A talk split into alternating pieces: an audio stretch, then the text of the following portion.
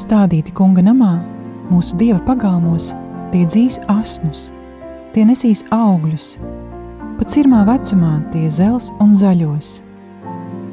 Dieva vārds aicina mūs iziet no dominējošajiem, norakstošajiem domāšanas modeļiem un novecot kristīgi, piedzīvot vecumdienas un slimības vājumu, kā ieiešanu pa saulrietu vārtiem.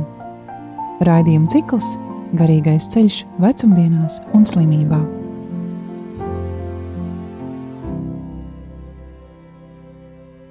Mīļie klausītāji, tiekamies jau otro reizi raidījuma ciklā Garīgais ceļš vecumdienās un slimībā.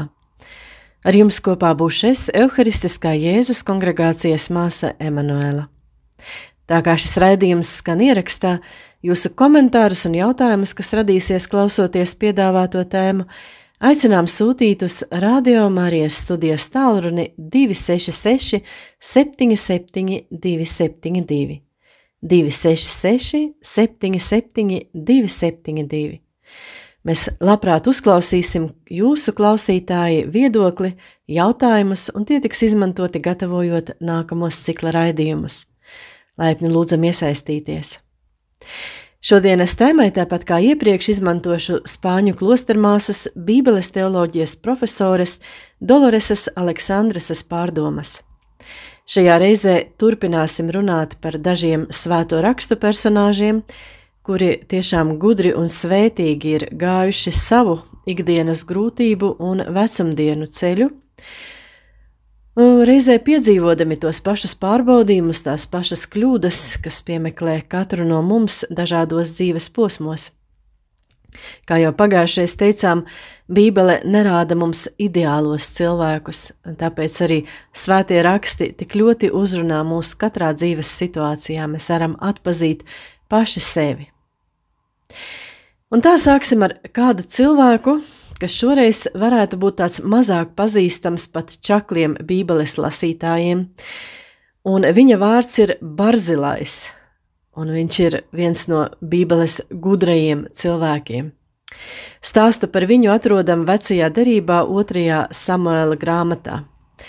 Un eh, drusciņ konteksta, tātad, eh, kas notiek šajā laikā, ir bijis uh, Dāvida, ķēniņa Dāvida dēla apšaloma dumpis pret savu tēvu sacelšanās, un ķēniņš Dāvids bija spiests bēgt, doties trimdā, uh, mitināties, uh, tā teikt, no dažādu labvēļu maizes, iztikt, un tagad apšaloma dumpis ir apslāpēts, un ķēniņš Dāvids var atgriezties galvaspilsētā Jeruzalemē slavas pilns un, un atgūt savu, savu troni.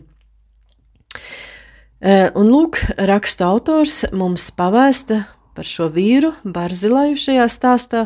Viņš ir cienījamā vecumā, viņam ir 80 gadi.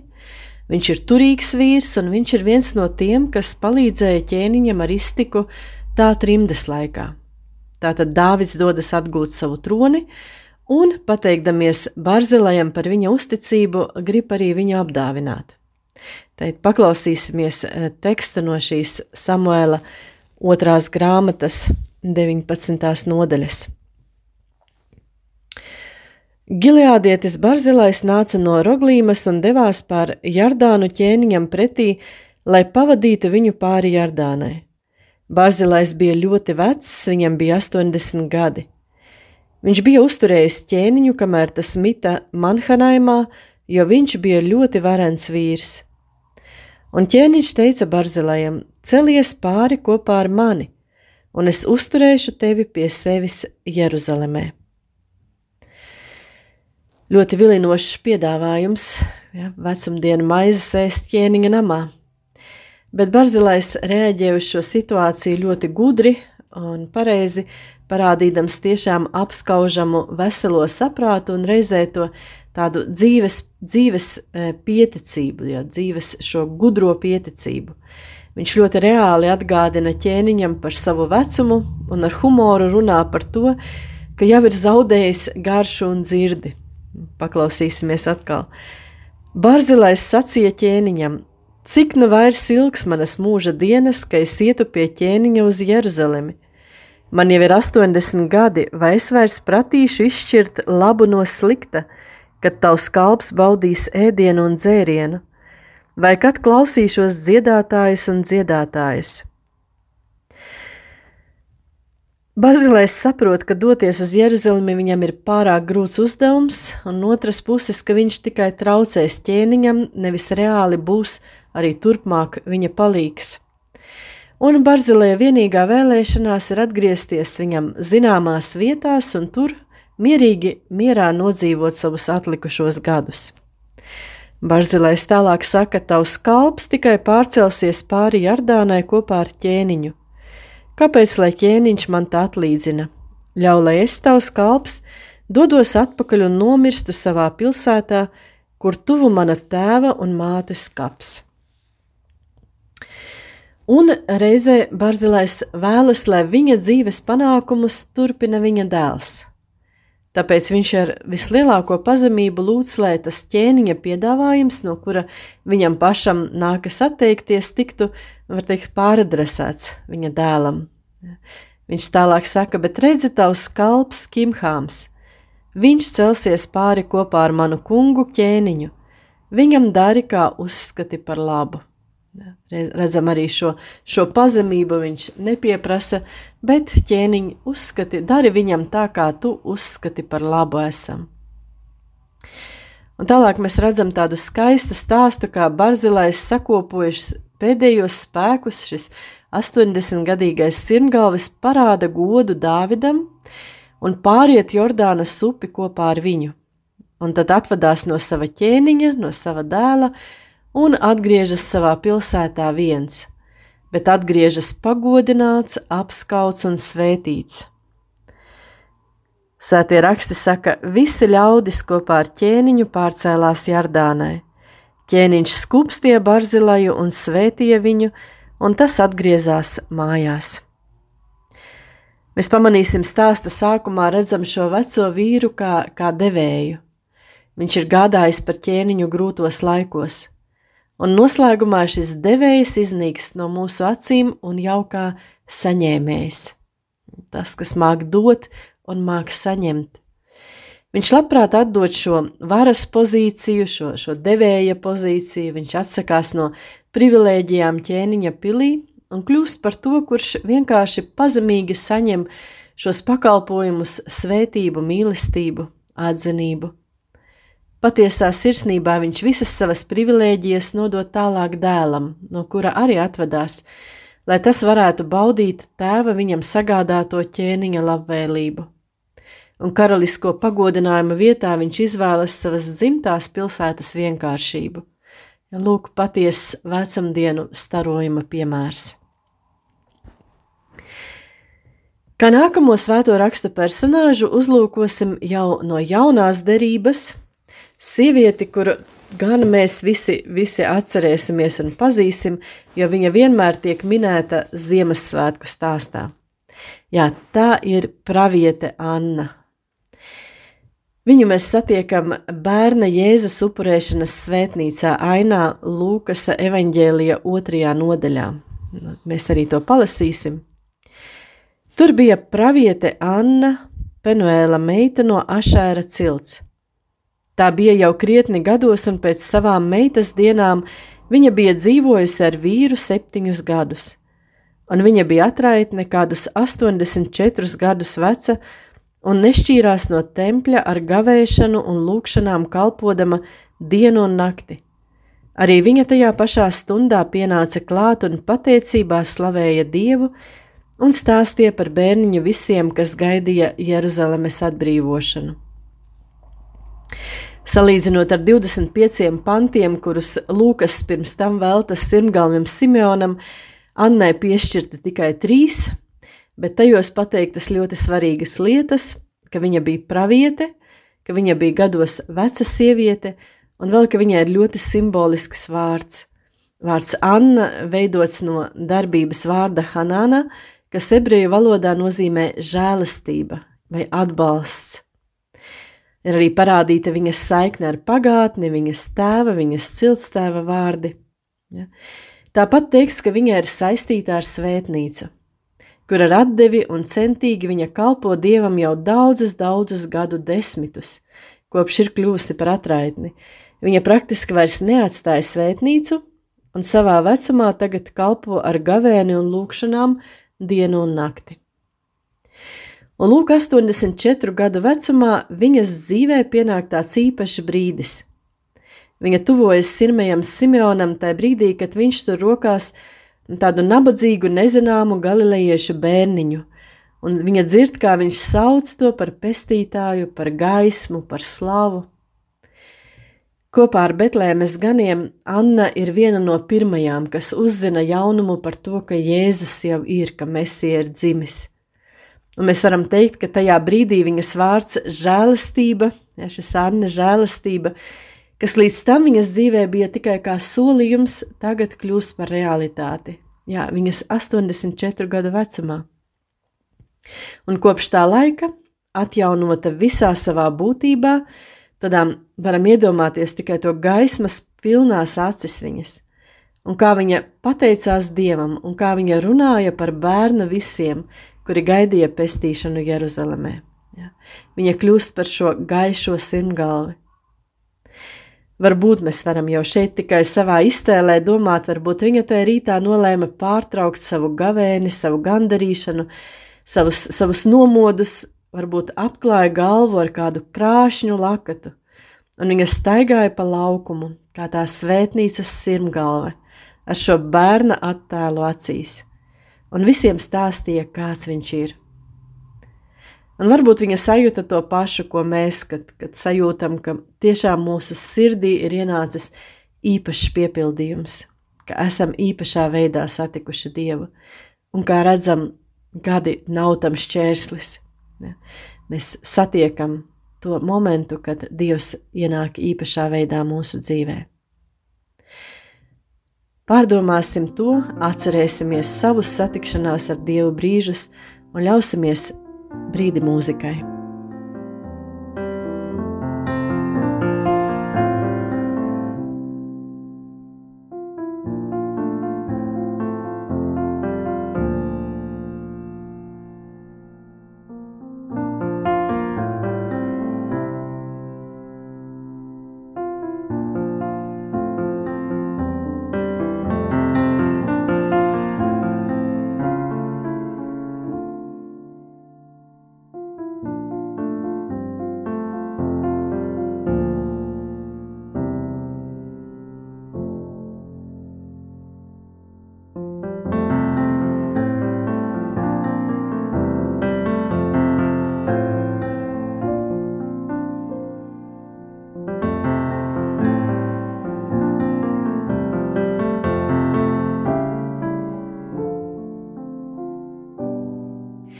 Esam atkal atpakaļ, lai turpinātu klausīties raidījuma no cikla garīgais ceļš vecumdienās un slimībā.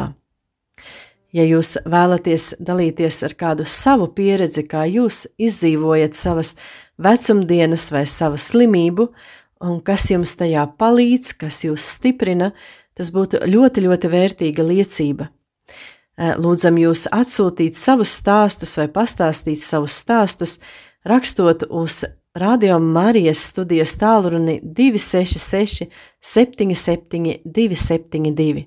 Mēs arī izmantosim šīs jūsu liecības, jūsu jautājumus šī cikla raidījumos.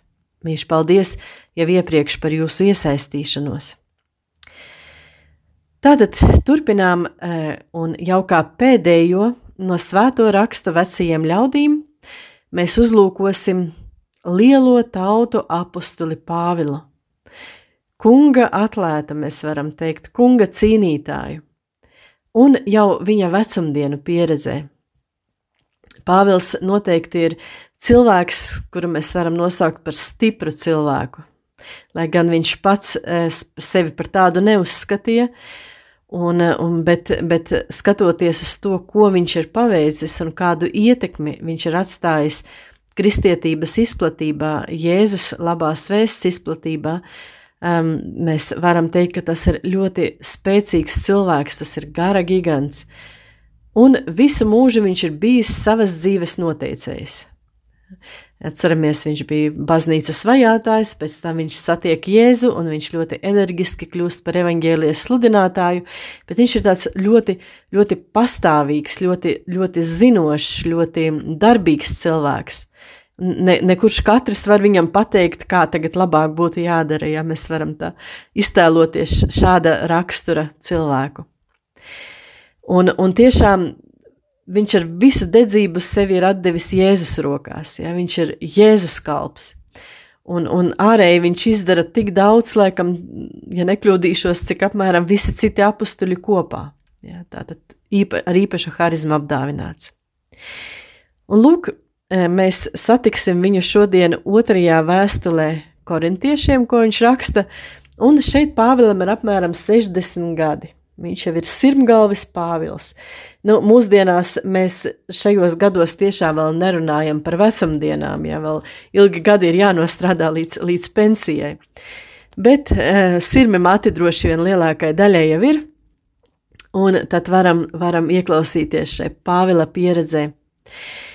Pāvils šajā vēstulē, uh, otrajā vēstulē korintiešiem, sāk domāt, aizdomājas par savu nāvi, un kāpēc? Tāpēc, E, droši vien, kāpēc mēs bieži aizdomājamies par savu nāvi, viņš sajūt vājumu savā ķermenī, jeb ārējā cilvēkā, kā viņš saka. Un tā pašā laikā viņš apzinīgi saprot ar vien jaunas lietas, viņa iekšējais cilvēks ja, iet ar vien, ar vien pilnībā, ja iekšējais cilvēks aug.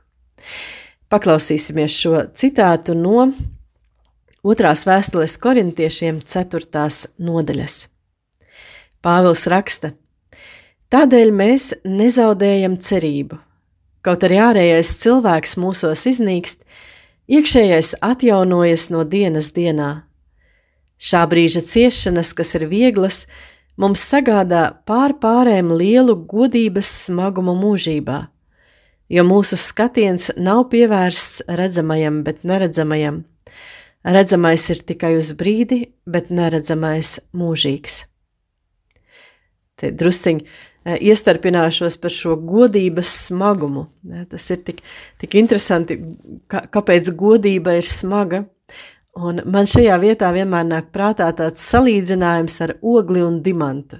Droši vien zinat, kad ogle kļūst par dimantu.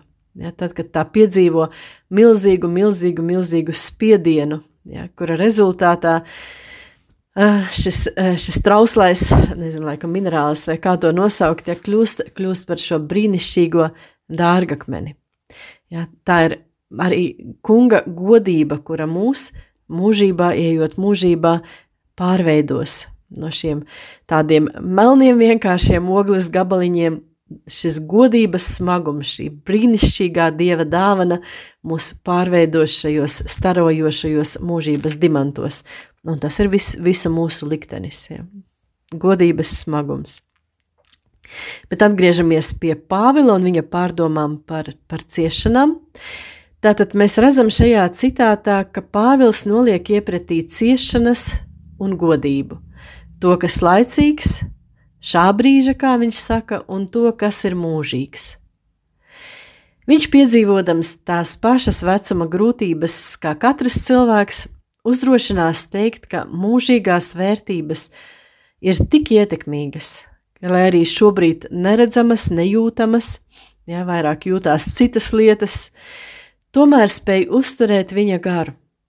Un viņš droši saka, tādēļ mēs nezaudējam cerību.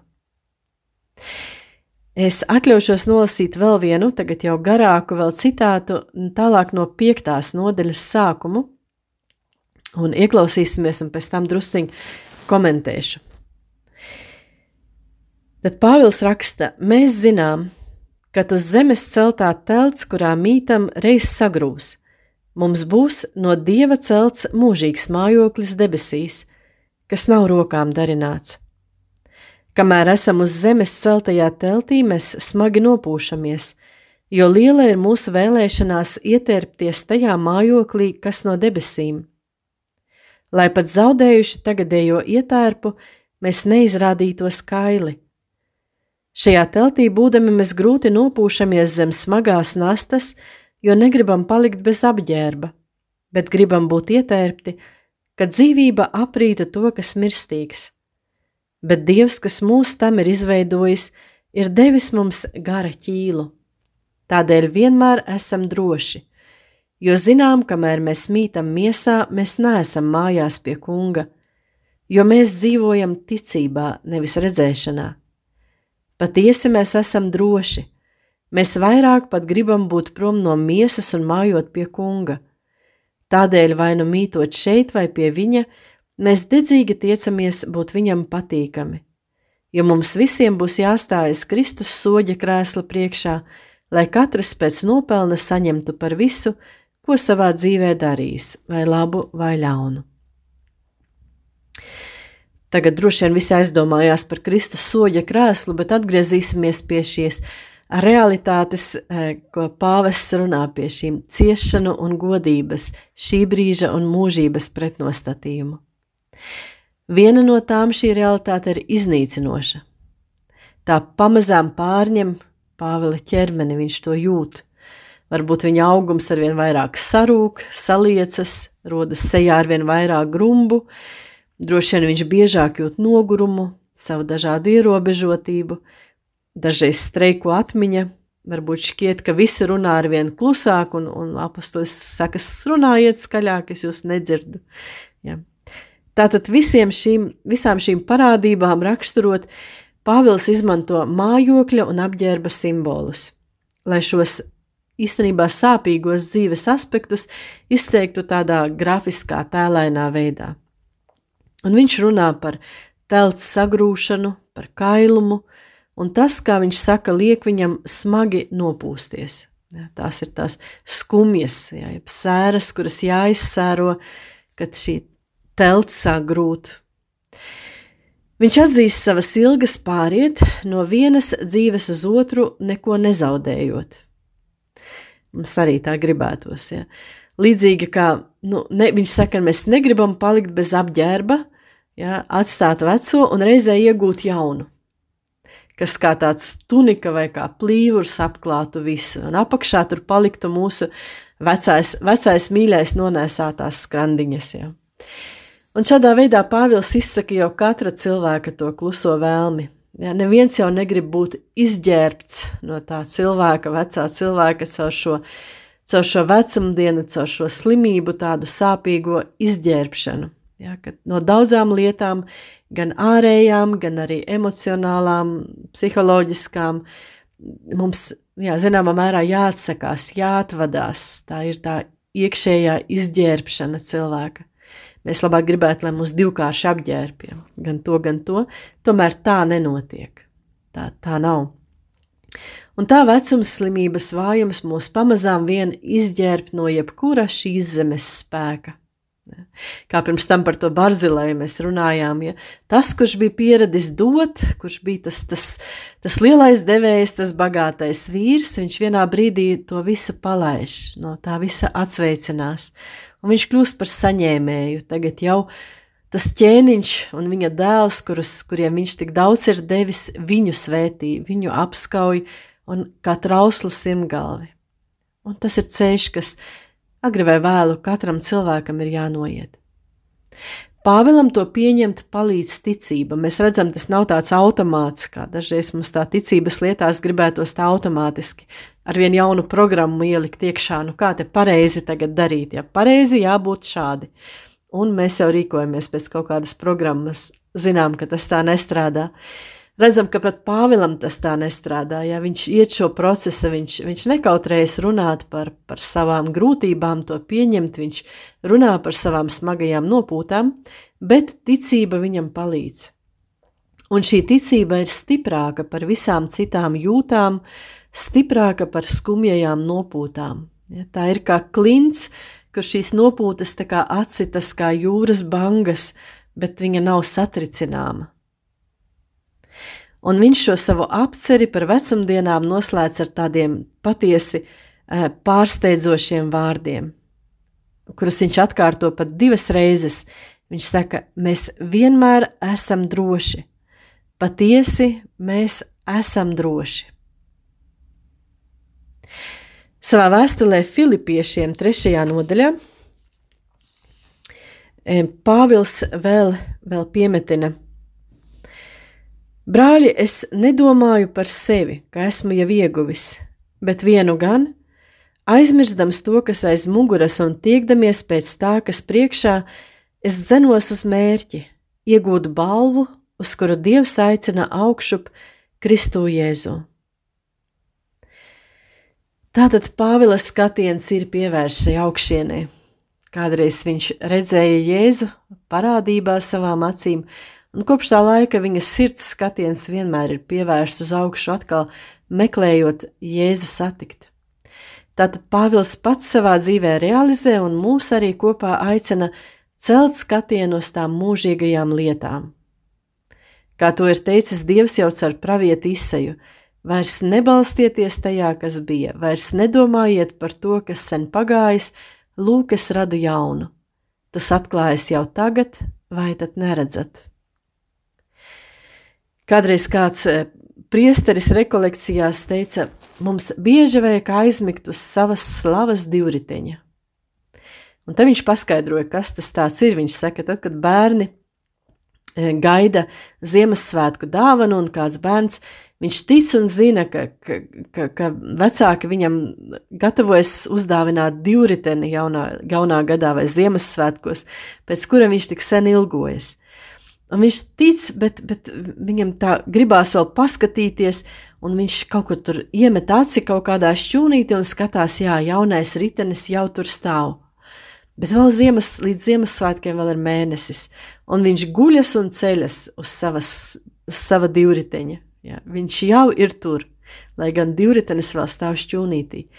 Tieši tāpat mēs ļoti skaidri zinām, ka šī mūžības valstība, šis jaunais cilvēks, kuru mēs iegūsim, šīs jaunās attiecības ar Jēzu, mums jau ir sagatavotas. Mēs tikai gaidām šos, šo atklāšanos dienu, kad aci pret aci ar visu to satiksimies, kad tā slavas, eh, slavas smagums ja, eh, la, vislabākajā veidā pārklās mūsu plecus un, un atklāsies mūsu, mēs kā mūsu dvēseles, kā šie starojošie dimanti, ja, tā tēlaini runājot, tad lūk, e, bieži īpaši tad, kad uznāk šīs sēras, kad, kad mēs nopūšamies par šīm vecajām drēbēm, kas, kas krīt no mums nost, par to, ka jāatvadās no sava spēka, no savas pastāvības un tā tālāk, atcerēties, ka tas, kas mūs gaida, ir mūsu slavas divritenis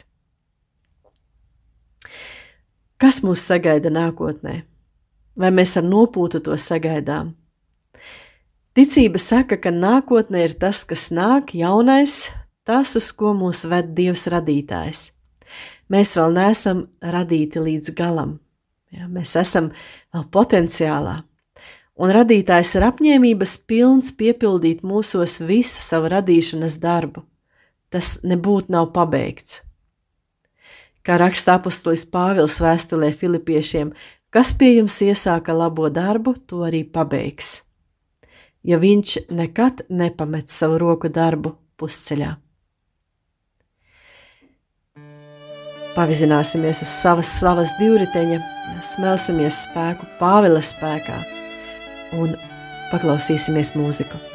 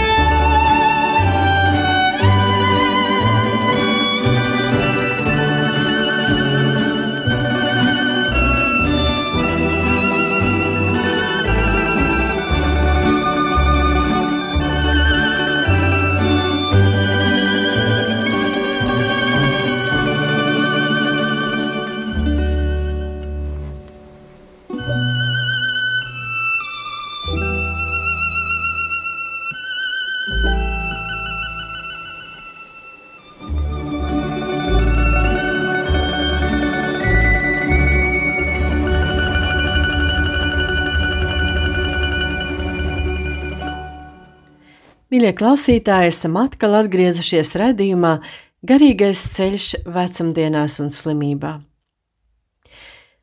Laika ritējums mums e, ļauj labāk saprast šos mācītāja vārdus no tāda paša nosaukuma Bībeles grāmatas.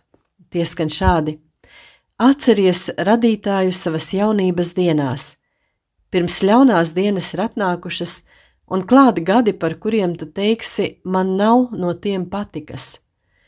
Līdz pušu sudraba saita un sadauzīta zelta bļoda, un sasista krūka pie avota, un salauzts ritenis ūdens akai, un atgriežas pīšļi zemē, kur tie bija, un gars atgriežas pie dieva, kas to deva. Mēs šeit dzirdam to pašu filozofiju, kuru katra laikam mācību gada sākumā mums atgādina slavenā himna Gaudiāmu Sigitur – priecāsimies, kamēr jauni. Ja. Tā mūsu senči pauda tādu sabiedrības pārliecību, ka priekšroka jādod jaunībai, ka visas labās lietas notiek tieši jaunībā, ka svarīgs ir ārējais izskats un vajag ļoti intensīvi cīnīties pret laika graujošo spēku. Kā cilvēks ir teicis, mums ir izdevies izstiept dzīves garumu, bet mēs neiemācījāmies prātīgi izmantot iegūtos papildus gadus. Un tā mēs cenšamies saglabāt jaunību. Mums rūp dzīvot ilgi, bet bez tiesībām palikt veciem. Bez tam, laikam, jau mums virs galvas arī karājas tāds neizteikts pārmetums, ko varbūt daži cilvēki var sajust, ka tik daudzu veco cilvēku dēļ Eiropā tūlīt, tūlīt sagrūs pensiju sistēma. Par to nereti tiek runāts sabiedriskajos mēdījos. Vai kristietībai vai svētajiem rakstiem ir atbilde un piedāvājums, kas atšķirtos no valdošajiem kultūras modeļiem? Ja, it kā vecums ir regresa, zaudējumu, bezdarbības laiks, bez gaidām, bez projektiem, laiks, kur neizbēgami valda rūkums un nostalģija – Un tad, lai izvairītos no tā, ir jāpaliek mūžam jauniem, jāienirst nemitīgā sevis pierādīšanā, visādās aktivitātēs, dažādās tukšās, jāsaka, izklaidēs, naudas tērēšanā. Vai ir kaut kas, ko svētie raksti noliek pretī kā savādāku modeli, kas vairāk atbilstu īstenībā tam posmam, kurā mēs ieejam, kad ieejam savās vecumdienās? Ja, arī, arī tad, kad esam varbūt eh, ne tik daudz veci, bet kādas slimības vārdzināti. Mēs šajos raidījumos jau īsi sastapāmies ar sešiem bībeles personāžiem viņu vecumdienās. Tagad piedāvāšu kopīgi pārdomāt sešus ieteikumus, kas doti Izrēla ļaudīm un kurus arī atrodam svētajos rakstos. Varbūt tie jums noderēs kā ceļa rādītāji, tiem, kuri sevi piešķiram vai nākotnē piešķirsim agri vai vēlu pie kādas no, no dažādi sauktām grupām, mēs varam teikt vecie ļaudis, sirmgalvji pensionāri, večiņas un večuki, arī slimnieki, nespējīgie, cilvēki ar īpašām vajadzībām. Un gal galā mēs katrs, kas kādā rītā mēs pieceļamies netik spējīgs un netik enerģisks, ja kā šīs dzīves nemitīgais ritenis mūs mudina būt tādi nenožurnāla vākie. Lai kā mēs sevi nosauktu, zināsim, ka visi esam ceļā, kurš noteikti nav kaut kāds haotisks vai kaut kas grūstošs. Kristietība saka, un tas ir ļoti svarīga lieta, mēs, lai kurā dzīves posmā, lai kas mūs šobrīd piemeklē, mēs nesam kaut kur izmesti vieni paši tukšā bezvārda telpā. Mēs esam kunga ceļā. Un kunga ceļā ir skaidras ceļazīmes, pat ja tas ir ceļš visbezūdeņainākajā tuksnesī, tajā vienalga, ejot uz priekšu, mēs ieraugām skaidras ceļazīmes un saņemam dieva atbalstu. Šajā reizē mēs pārunāsim par pirmo no šīm ceļazīmēm, Nākamajos šī cikla raidījumos sekos citas. Un šo pirmo zīmi mēs atrodam pravieša Jeremija grāmatā, un tā skan šādi: Bet tu jos savus gurnus celies. Lūk, pirmā ceļa zīme - apjozies. Šādu pavēli pravietis Jeremijas saņēma brīdī, kad tika aicināts. Un šī rīcība, šī apjošanās Izrēlā nozīmēja gatavību ķerties pie kāda darba, doties ceļā vai iet cīnīties.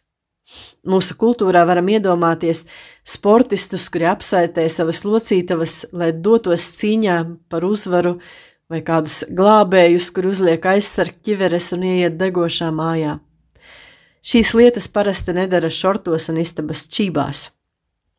Bet saprotam, ka šeit runa nav par apģērbu, jo citādi jūs man tūlīt teiktu, nu, es jau, es jau tikai ap, apjožos ar elastīgo saiti, lai vispār soli paspertu, ja kāds no manis ugunsdzēsējs. Ne, šeit mēs skatāmies simboliskā valodā, apjosties, tas ir kaut kas pretējs tādam garīgam slinkumam, nolaidībai, trulumam, laikam tas vārds, kas visvairāk izteiktu šo pretrulumu, ja, apjozies. Kā priekšā tad mums ir jābūt gataviem nostāties ar tādiem apjostiem gurniem, tādā gatavībā, pašam laika ritējumam. Un tas nenozīmē te mesties, krāsot matus un lakot nagus, bet tas pirmkārt nozīmē neslēpties no realitātes, ka esam cilvēki gados, vai cilvēki ar kādas slimības ciešanu uzliktiem nopietniem ierobežojumiem, Šī realitāte mums jāsatiek vaigu vaigā, apjostiem, gataviem. Psalmis dzied, māci mums skaitīt mūsu dienas, lai dabūjam gudru sirdi. Un citā vietā pravietis Hozeja izsmēja Izrēli, kuram sirmi mati jau metušies, bet viņš nezina, Un tālāk viņš ar ironiju dod tādu ģeniālu attēlojumu tādai situācijai, kad cilvēks nepieņem ja, šo savu stāvokli, viņš, viņš kaut, kaut ko tēlo no sevis to, kas nav. Viņš saka, ka dzemdību sāpes nāks pār viņu, un negudrs bērns laikā nav klāt, lai laustos no klēpja. Tā pravietis Hozija. Tā var notikt arī ar mums, ja mēs negribam pārkāpt to slieksni, kuru mums dzīve noliek priekšā, kad esam ieķērušies savā agrākajā versijā. Un redzam, pravietis to salīdzina ar nedzimuša bērna etapu, etapu, kurš negrib dzimt. Viņš iestrēgs tajos um, ceļos un, un negrib līst ārā. Negribēdami atzīt savas dzīves realitāti, mēs neatpazīstam savu iespēju dzimt, kaut arī caur dzemdību sāpēm. Ja, nepieņemam šo jauno iespēju.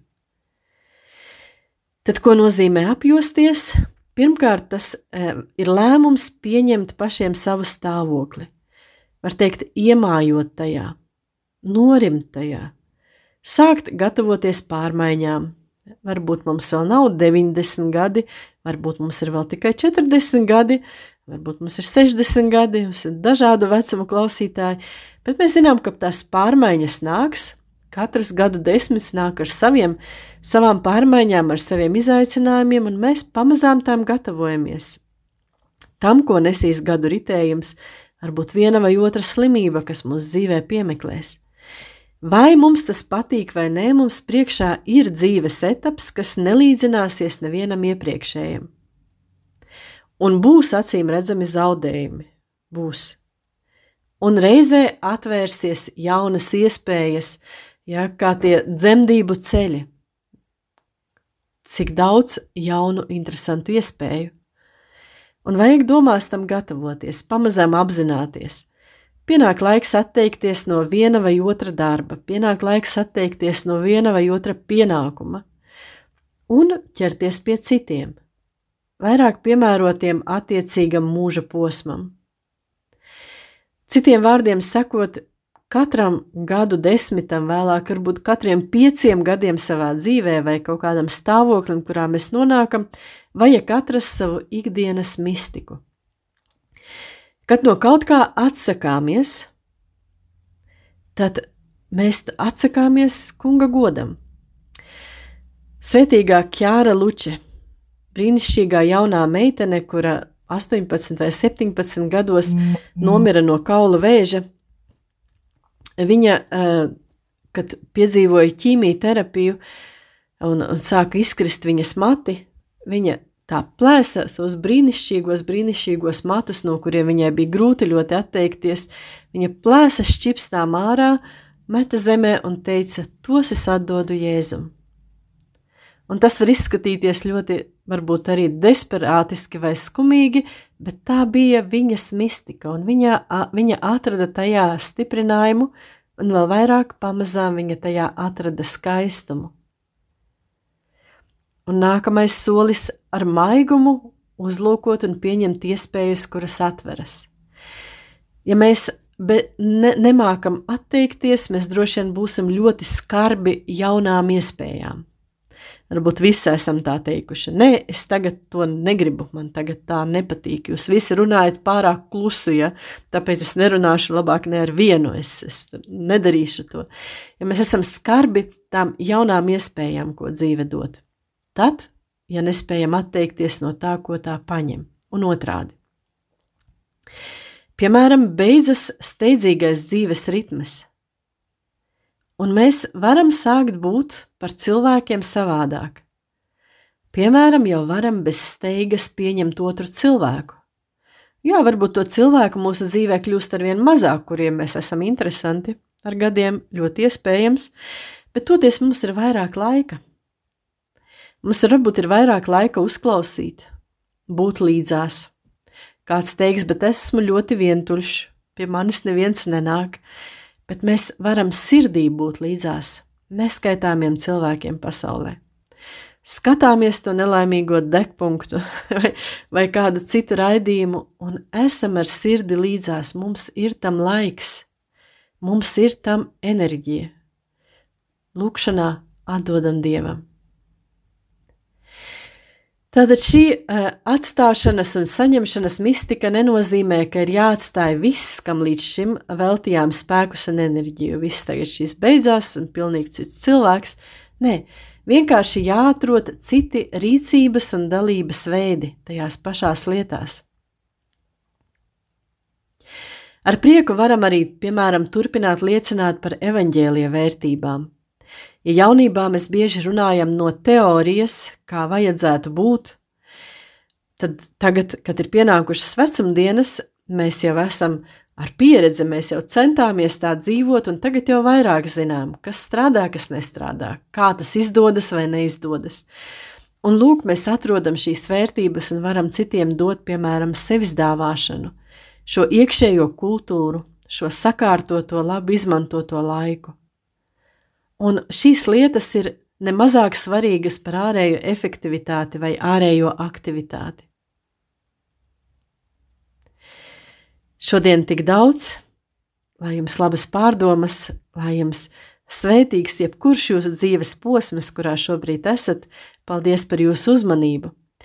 Ar nākamajām dieva dotajām ceļa zīmēm, vecumdienu un grūtību ceļā runāsim nākamajā mēnesī, nākamajā pirmdienā pēc mēneša. Ar jums biju kopā es, Māsa Emanuēla. Stādīti kunga namā, mūsu dieva pagalmos, tie dzīs asnus, tie nesīs augļus, pat cirmā vecumā tie zels un zaļos. Dieva vārds aicina mūs iziet no dominējošajiem, norakstošajiem domāšanas modeļiem – un novecot kristīgi, piedzīvot vecumdienas un slimības vājumu, kā ieiešanu pa saulrietu vārtiem. Raidījuma cikls Garīgais ceļš vecumdienās un slimībā.